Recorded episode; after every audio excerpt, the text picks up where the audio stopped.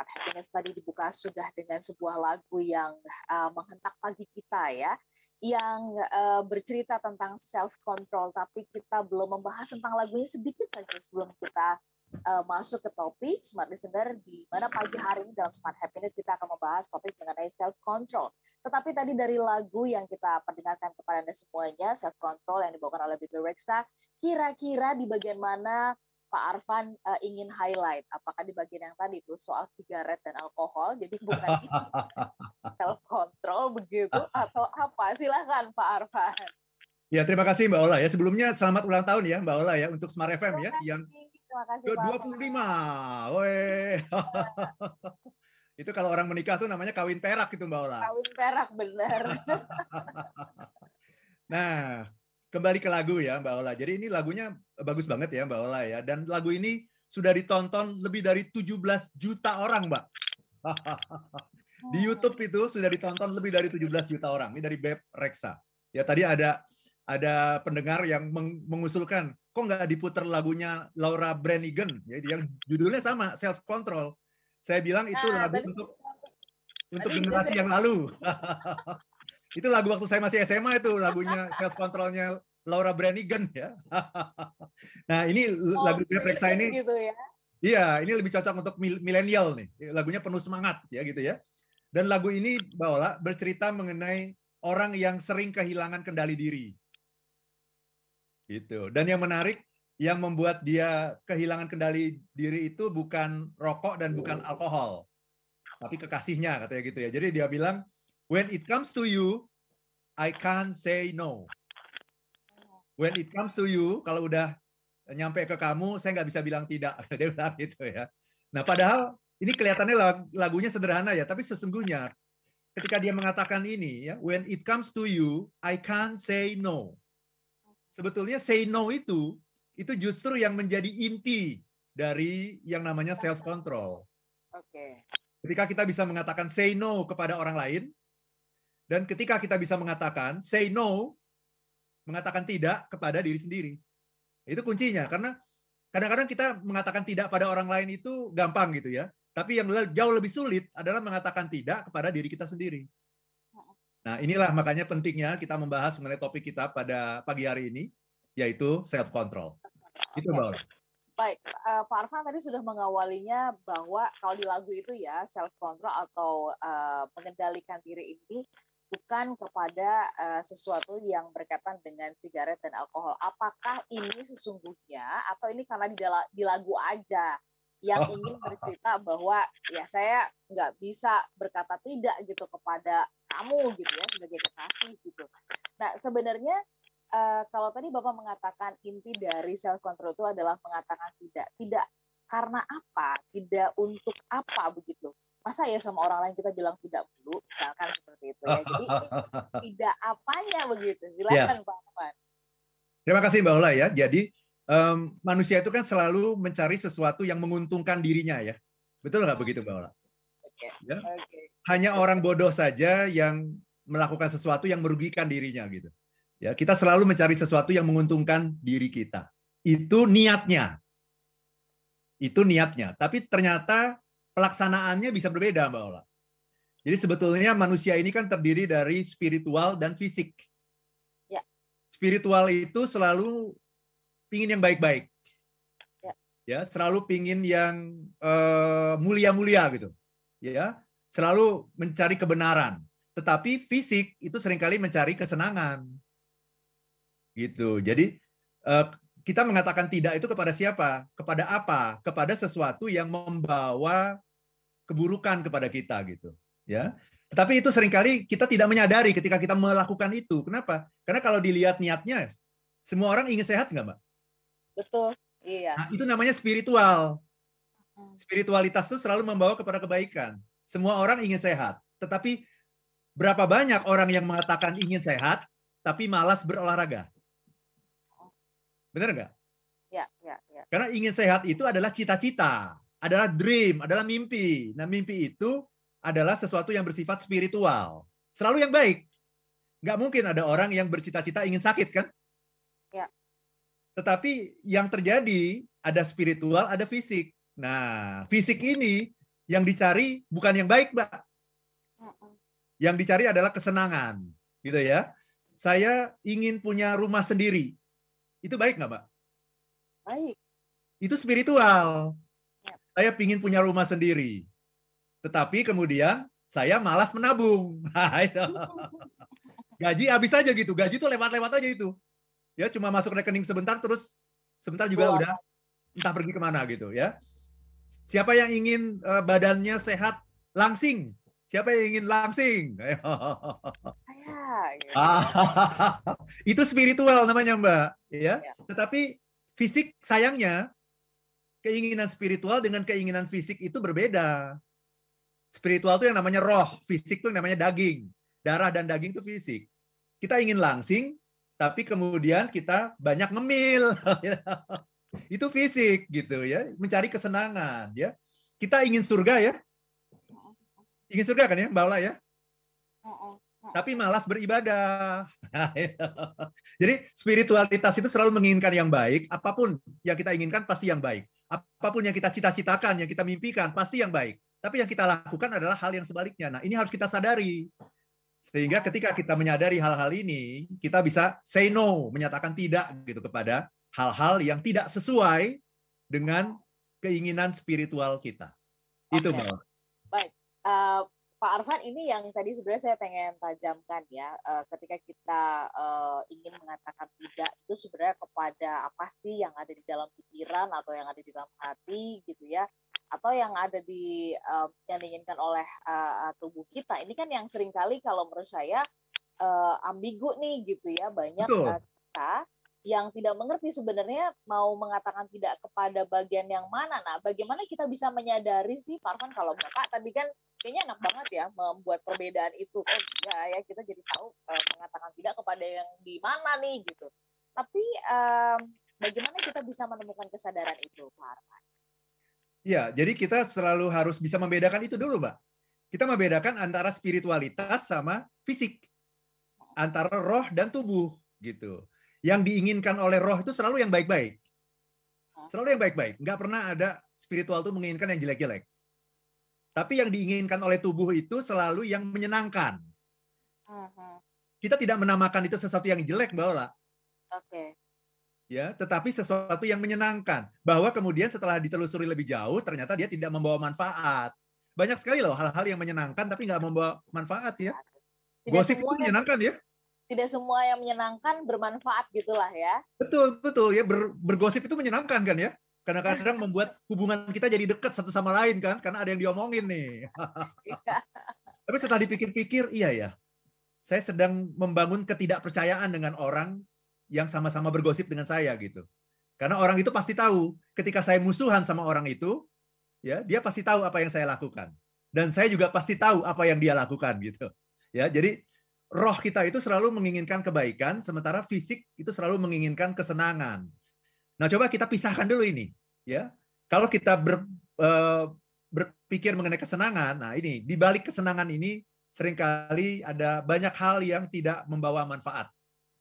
Itu Mbak Ola. Dan kalau kita bicara mengenai ibadah puasa yang selama sebulan kemarin kita jalankan, inti dari puasa itu sebetulnya apa sih? Self control.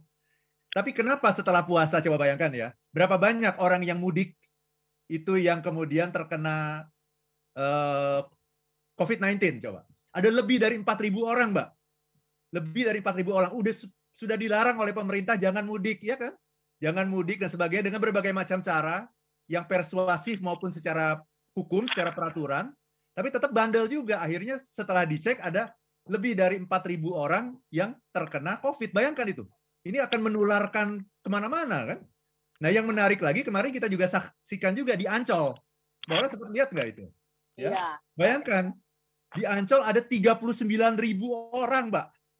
Dan itu bahkan di Instagram, di sosial media itu disandingkan dengan ritual orang India yang mandi di Sungai Gangga. Ya, sama sama sekali abai pro, protokol kesehatan dan kemudian menghasilkan infeksi 25 juta di India hari ini sampai hari ini Mbak Ola.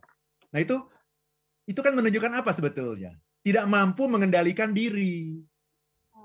Ya kan mencari oh saya pingin senang-senang, masa bodoh lah dengan yang namanya COVID-19. itu ya. Itu kan karena ketidakmampuan mengendalikan diri itu. Semuanya itu. Padahal kalau kita bicara ibadah puasa yang sudah dijalankan sebulan itu, inti dari ibadah puasa itu apa? Mengendalikan diri, self control. Dan self control dia adalah ilmu yang mahal, Mbak.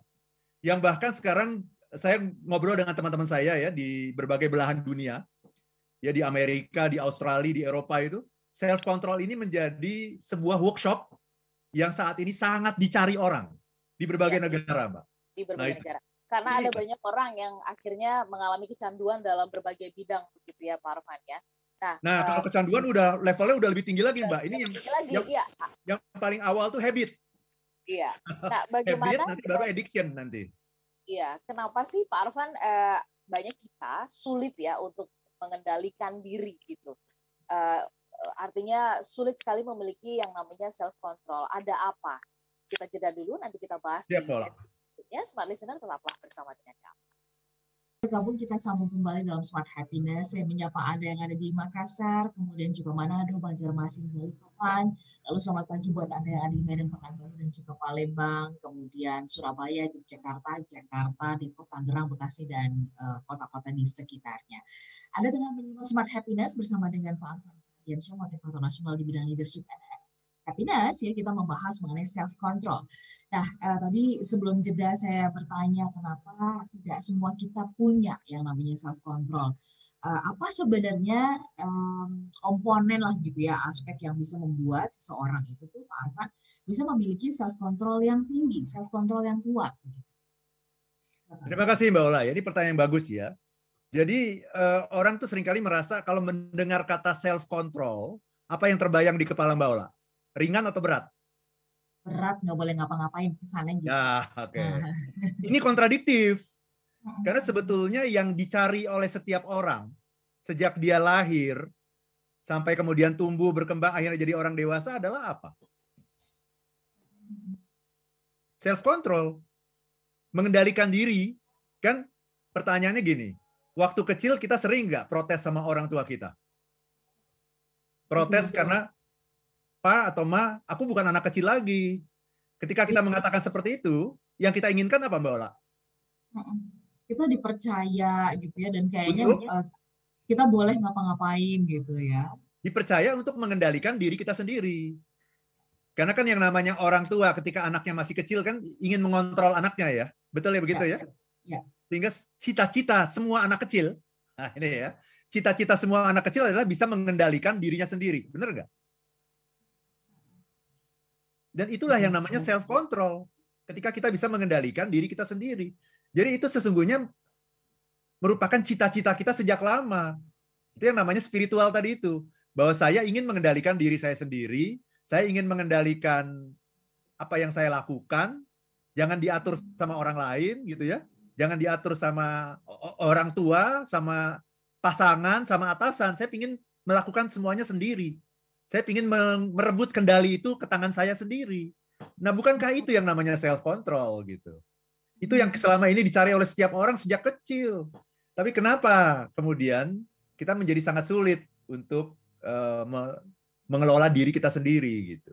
Jadi ini sebetulnya menjadi sebuah tanda tanya yang besar Mbak Ola ya karena uh, ketika kita tidak bisa mengelola diri sendiri, akhirnya ada banyak sekali musibah yang datang kepada kita Mbak Ola masih uh, mung mungkin masih cukup baru ya di uh, cukup terngiang-ngiang di telinga kita gitu. Ketika kemarin itu ada seorang ibu yang hmm. disuruh balik ya, disuruh balik oleh malah uh, memaki gitu, gitu ya. Malah memaki. Dia pikir dia selamat itu dengan dengan memaki itu. Ya. Ternyata dia kemudian dinobatkan menjadi duta anjing kan gitu ya. nah, itu kan ya dinobatkan menjadi duta anjing, kemudian dijemput oleh polisi, kemudian uh, harus melakukan 3M, Mbak. Apa itu 3M? 3M di depan kamera tapi ini ya. Ini bukan protokol kesehatan nih. 3M-nya adalah apa? M yang pertama menangis. Minta maaf. Oh, menangis. menangis minta maaf dan, dan meterai seratus eh, sepuluh ribu. Tiga m ya, menangis gitu ya? minta maaf dan meterai gitu ya. Iya.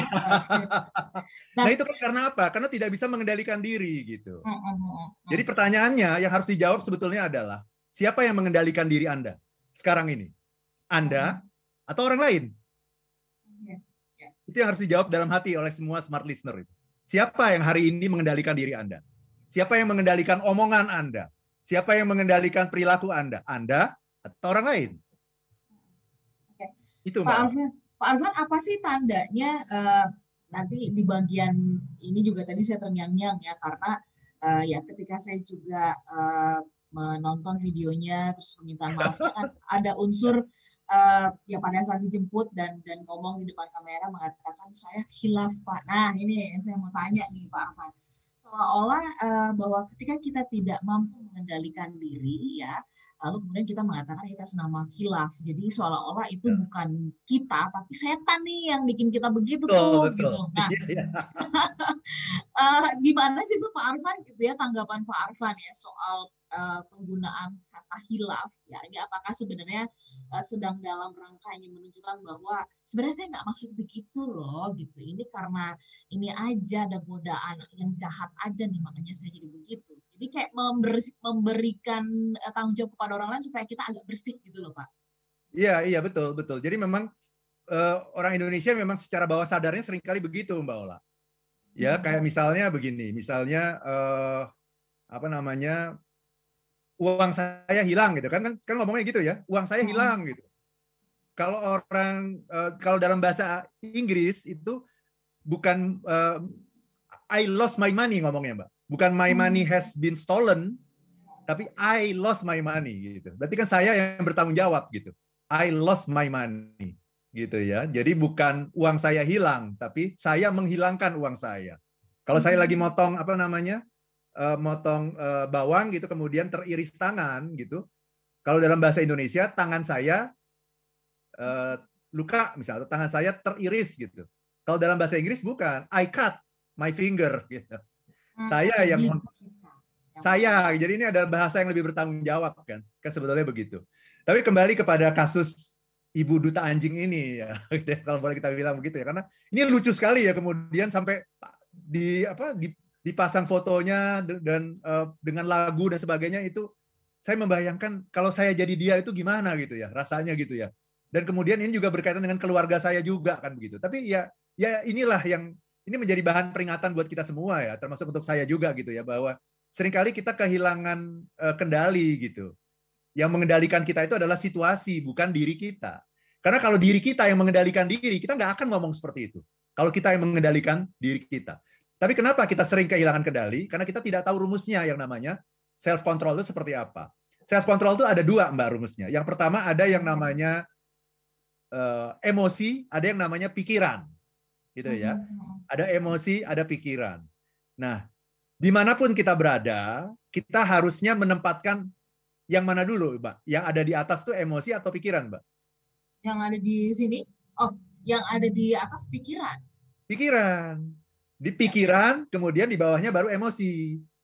Karena memang struktur tubuh kita, Mbak, emosi itu kan ada di dada ya. ya. Emosi ya yang bergejolak ya. Pikiran ada di sini. Nah, pertanyaannya, kenapa Tuhan bikin kayak gitu? Kok pikiran dulu baru di bawahnya baru emosi. Nah, kita sering kali yang membuat kita salah itu kita tidak membaca tanda-tanda yang sudah diberikan Tuhan. Jadi kita taruh emosi yang di atas, pikiran yang di bawah itu tandanya kayak kayak kita kebalik nih. Kalau kita lagi kebalik itu emosi yang ada di atas, pikiran yang ada di bawah. Nah, ini yang berbahaya gitu. Jadi Tuhan itu ketika menciptakan tubuh kita ini sudah penuh dengan tanda-tanda ayat-ayat Tuhan itu ada semua di sini gitu. Jadi memang ditaruh pikiran di atas, emosi di bawah. Jangan salah naruh. Nah, dan kalau kita pahami konsep ini saja, ya emosi itu selalu membawa kita kepada hal-hal yang menyenangkan pikiran selalu membawa kita kepada hal-hal yang bermanfaat gitu. Nah, sekarang bagaimana caranya kita membuat hal yang menyenangkan itu juga bermanfaat gitu. Jadi saya tidak mengatakan bahwa emosi membawa kita kepada hal-hal yang jelek, tidak. Emosi membawa kita kepada hal-hal yang menyenangkan. Tapi sayangnya hal yang menyenangkan itu ada yang bermanfaat, ada yang tidak bermanfaat gitu. Nah, kalau kita pakai emosi dan pikiran itu akan menghasilkan hal yang menyenangkan, dan bermanfaat gitu. Dan bermanfaat. Jadi uh, keduanya nggak lepas gitu ya antara menyenangkan dengan bermanfaat. Bagaimana sih uh, Pak Arfan? Oke tadi Bapak mengatakan kenapa kita nggak bisa eh, self control karena kita nggak tahu rumusnya. Nah, ya. uh, bagaimana cara kita bisa mempergunakan rumus itu sih Pak Arfan sehingga kita berhasil untuk mengontrol diri kita, mengendalikan diri kita ini Pak Arfan? Iya, jadi kita harus membayangkan diri kita itu sebagai sosok ya Mbak ya. Karena kalau eh, kalau membayangkan mengenai mengontrol itu selalu kita membayangkan mengontrol orang lain ya. Hmm. Jadi bayangkan saja kalau Mbak Ola lagi males olahraga, ya, hmm. bayangkan di depan Mbak Ola itu ada sosok Ola Nurlija gitu yang harus dikalahkan gitu. Jadi tugas kita itu adalah mengalahkan itu kemalasan, eh, ketidakenakan gitu ya, perasaan tidak nyaman tuh harus semuanya harus dikalahkan gitu. Mengalahkan itu kalau kita membayangkan ada sosok di depan diri kita yang harus kita lawan dan itu sebetulnya adalah diri kita sendiri gitu. Karena yang paling susah dikendalikan kan sebetulnya adalah diri kita ya. Anehnya ya. begitu ya. Padahal diri kita itu yang paling dekat dengan dengan kita. Tapi, Tapi ternyata yang, yang paling susah dikendalikan. Paling sulit ya. ya. Jadi kita harus melihat diri kita itu kita bayangkan sebagai sebuah sosok gitu lah. Jadi ada Ola Nurlija yang pertama dan ada hmm. Ola Nurlija yang sedang ingin kita kalahkan ini. Gitu. Kita bayangkan sebagai sebuah sosok kemudian kita tumbuhkan kemampuan kita untuk uh, mengalahkan sosok itu gitu Mbak Ola. Uh, Pak Arfan, apa sebelum kita jeda ya, apa sebenarnya manfaat dari kita mampu mengendalikan diri atau uh, kita punya self control yang kuat? Apakah semata-mata supaya ke, uh, kita nggak dianggap merugikan orang lain ya, kita nggak dianggap barbar gitu kan? Uh, artinya kita bisa dianggap sebagai orang baik atau sebenarnya ada manfaat-manfaat lain ya yang bisa kita dapatkan dengan kita mampu memiliki self control yang kuat. Smart Listener dan juga sahabat yang bergabung, Anda yang menyimak kami melalui YouTube channel Smart FM, ada kesempatan loh ya untuk Anda juga bisa bergabung melalui uh, live chat di sana atau Anda bisa kirimkan melalui 0812 11 12 959. Kami jadi sesaat tetaplah bersama dengan kami sambil kita kasih kesempatan kepada Anda meresapi ya. Ini memahami apa yang baru saja dijelaskan oleh Pak Arfan. Kami jeda.